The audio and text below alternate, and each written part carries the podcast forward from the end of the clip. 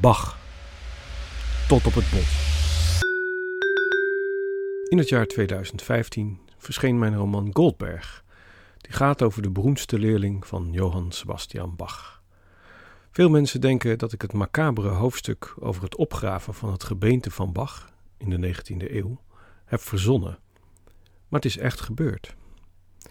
In deze serie podcast probeer ik uit te zoeken hoe Bach tegenover de dood stond en wat er met zijn stoffelijke resten gebeurde nadat hij in 1750 overleed. Ik was van plan naar Leipzig af te reizen, maar corona verhindert dat en uiteindelijk beland ik, op nog geen kilometer afstand van mijn huis, op een plek waar alle verhalen over Bach en zijn gebeente samenkomen.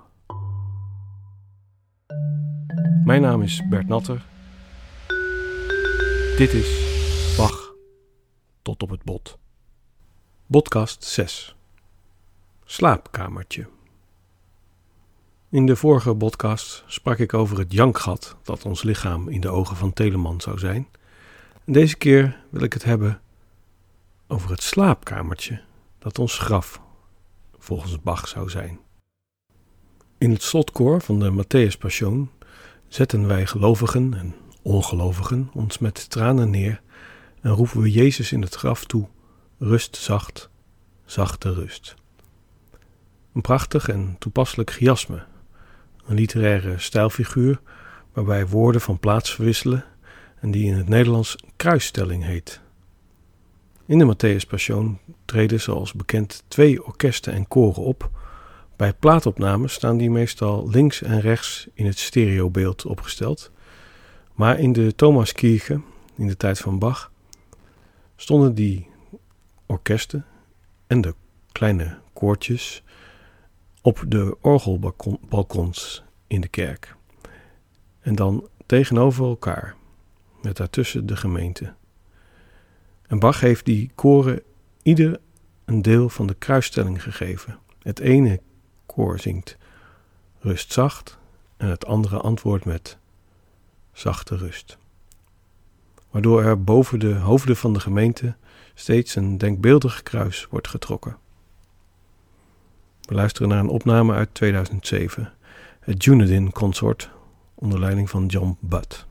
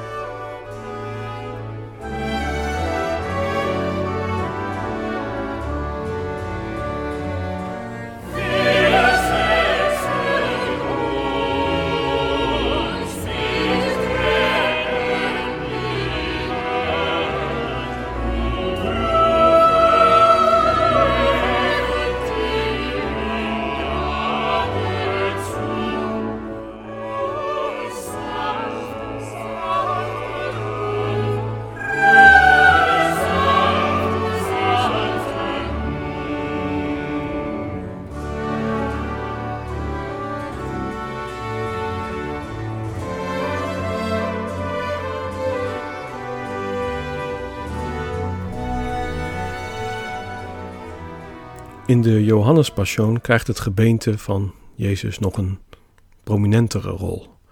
Het stuk werd op Goede Vrijdag 1724 voor het eerst ten gehore gebracht in de Nikolaikirche in Leipzig, een van de vier kerken waarvoor Bach de muziek verzorgde tussen 1723 en 1750. In de Johannes volgen wij het lijdensverhaal van Christus naar het evangelie van de gelijknamige evangelist. Het lichaam van Jezus wordt kort nadat hij aan het kruis is gestorven begraven, volgens Joodse rituelen. Vlak bij de plek waar hij stierf was een graf waar nog niemand in had gelegen en daar wordt het lichaam heen gebracht om te zorgen dat de rustdag van de Joden niet verstoord zal worden door op sjouw te gaan met stoffelijke resten. Interessant genoeg lijkt het evangelie te suggereren dat Jezus lichaam hier dus tijdelijk werd begraven. Dat zou ook het geval zijn, maar ja, dat konden ze toch allemaal nog niet weten. Dan klinkt bij Bach het slotkoor, dat overigens nog door een slotkoraal zal worden gevolgd. Rust zacht, jullie heilige botten, die ik zonder droefenis laat rotten. Rust zacht en breng ook mij tot rust. De groeve, voor jullie gemaakt, is ontbloot van elke noodzaak. Ontsluit voor mij de hemel, doet de hel op slot.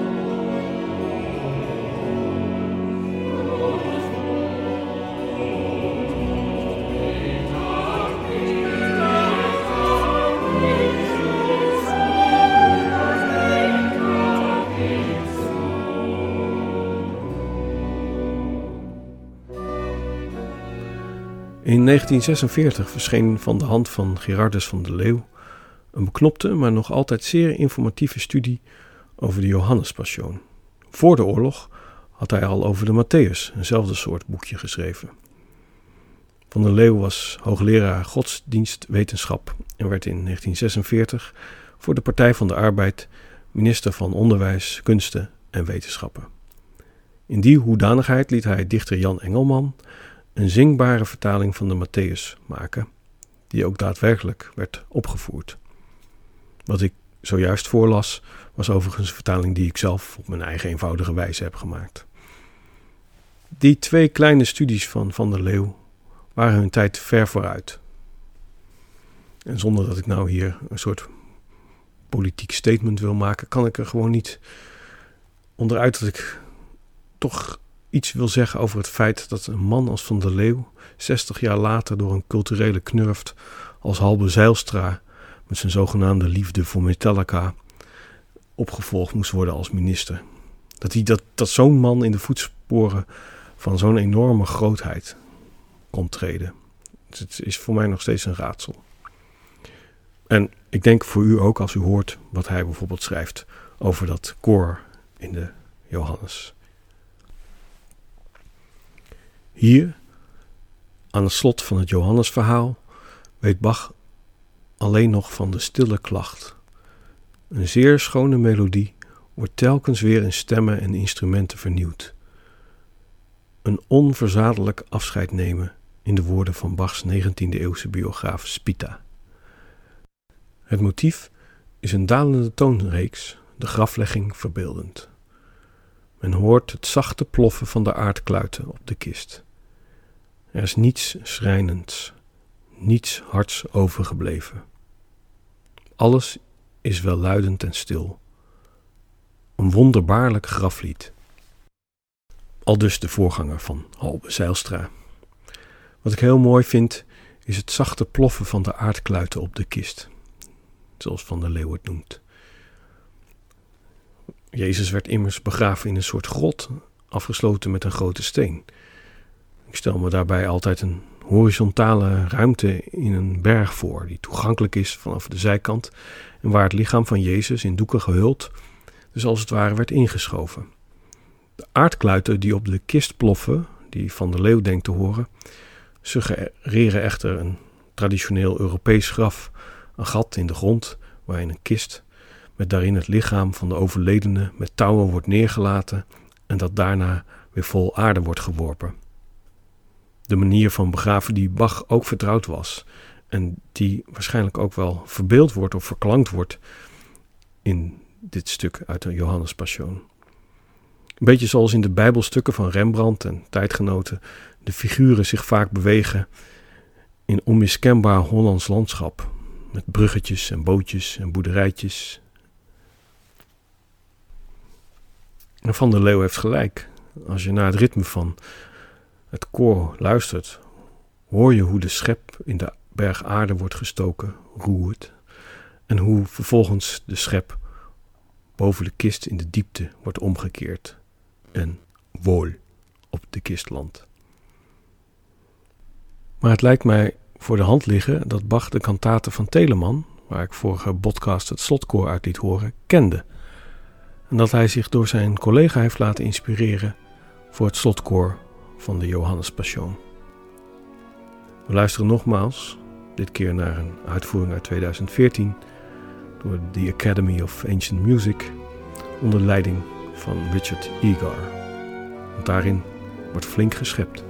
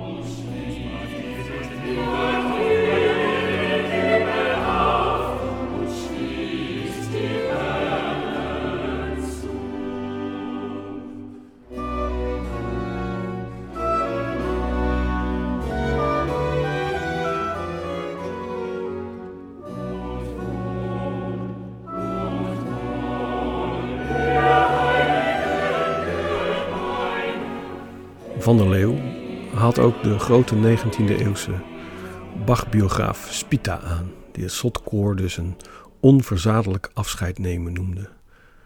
Zelfs in moderne, authentieke, snelle uitvoeringen duurt het afscheid van het stoffelijk overschot nog zes minuten of langer. Het heeft eenzelfde soort gevoel als het zelf willen begraven van het lichaam van Christus zo lang mogelijk in de buurt blijven van de stoffelijke resten van een geliefde. En Bach verklankt inderdaad een soort zwelgen in afscheid nemen, een eindeloos vaarwel. Als nabestaanden die er maar geen genoeg van krijgen om aan de baar van een dierbare dode te blijven treuzelen. Na dit kalme en wiegende en toch enerverende koor volgt er in de Johannes nog een koraal, waarin de Heer wordt gevraagd zijn lieve engeltjes mijn ziel in Abrahams schoot te laten brengen. Naar de hemel dus, de plaats van troost. Het lijf mag echter op aarde in het graf blijven, in zijn slaapkamertje, waar het mag rusten tot de jongste dag, tot het uit de dood wordt gewekt. luisteren we naar het slotkoraal uit de Johannes. Een opname van La Petite Bande onder leiding van Sigiswald Kuiken.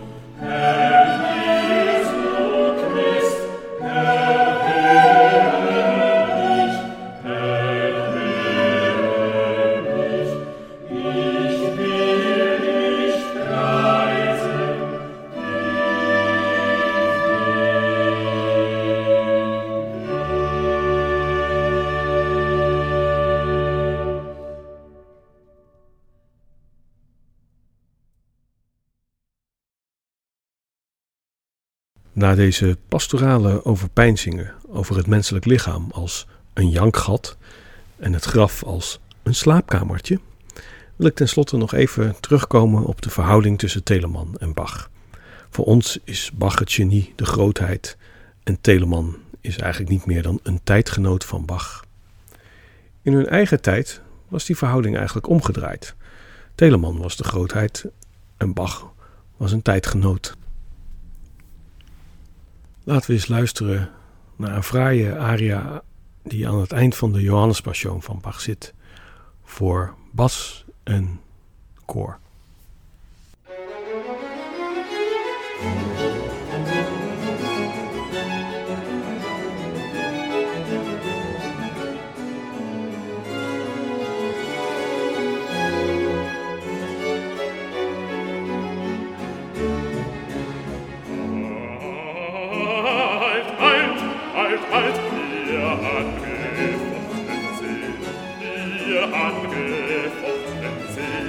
gewalt ja gefor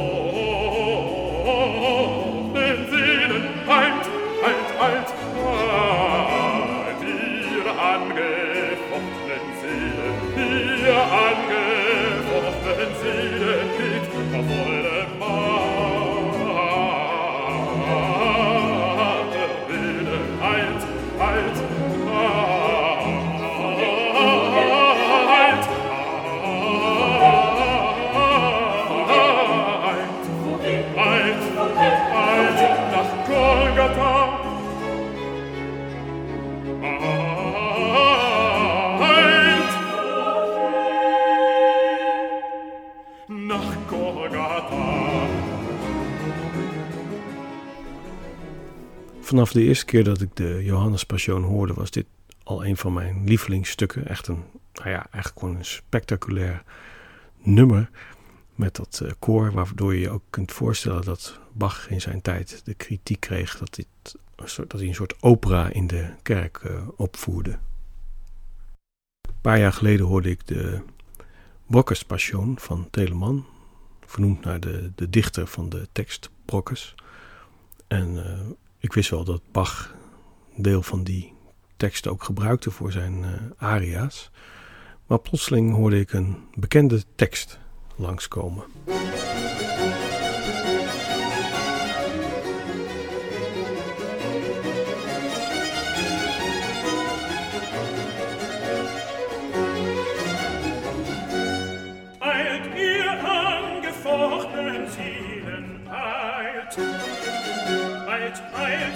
weil wir angefochten sind, mit aus Achschafsmörder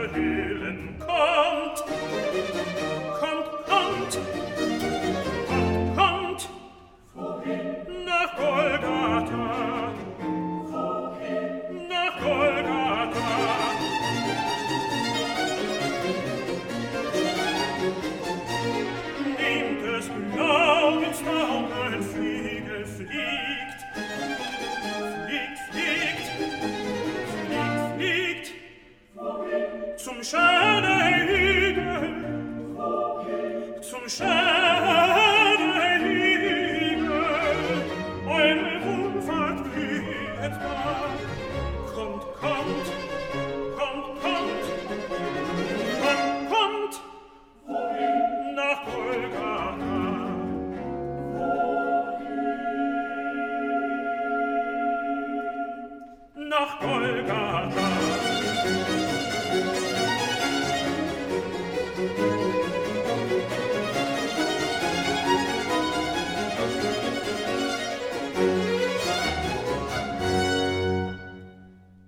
nou, ik schrok me eigenlijk uh, rot toen ik dit hoorde. Ik dacht, ja, Telemann is wel echt een enorme jatmoos natuurlijk. Dat hij dit, uh, die op deze manier leentje buur speelt bij uh, Bach.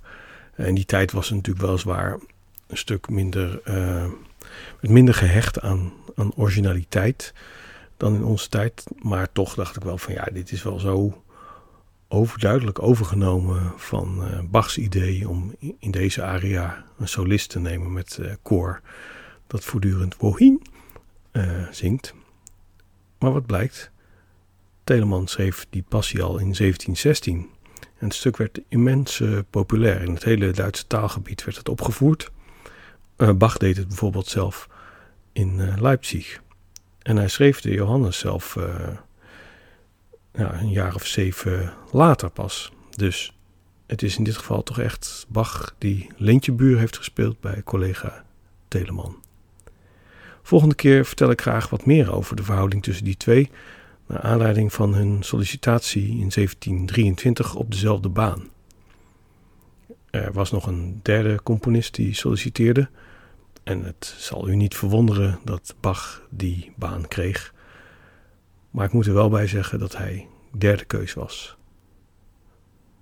Tot de volgende podcast. Bedankt voor het luisteren.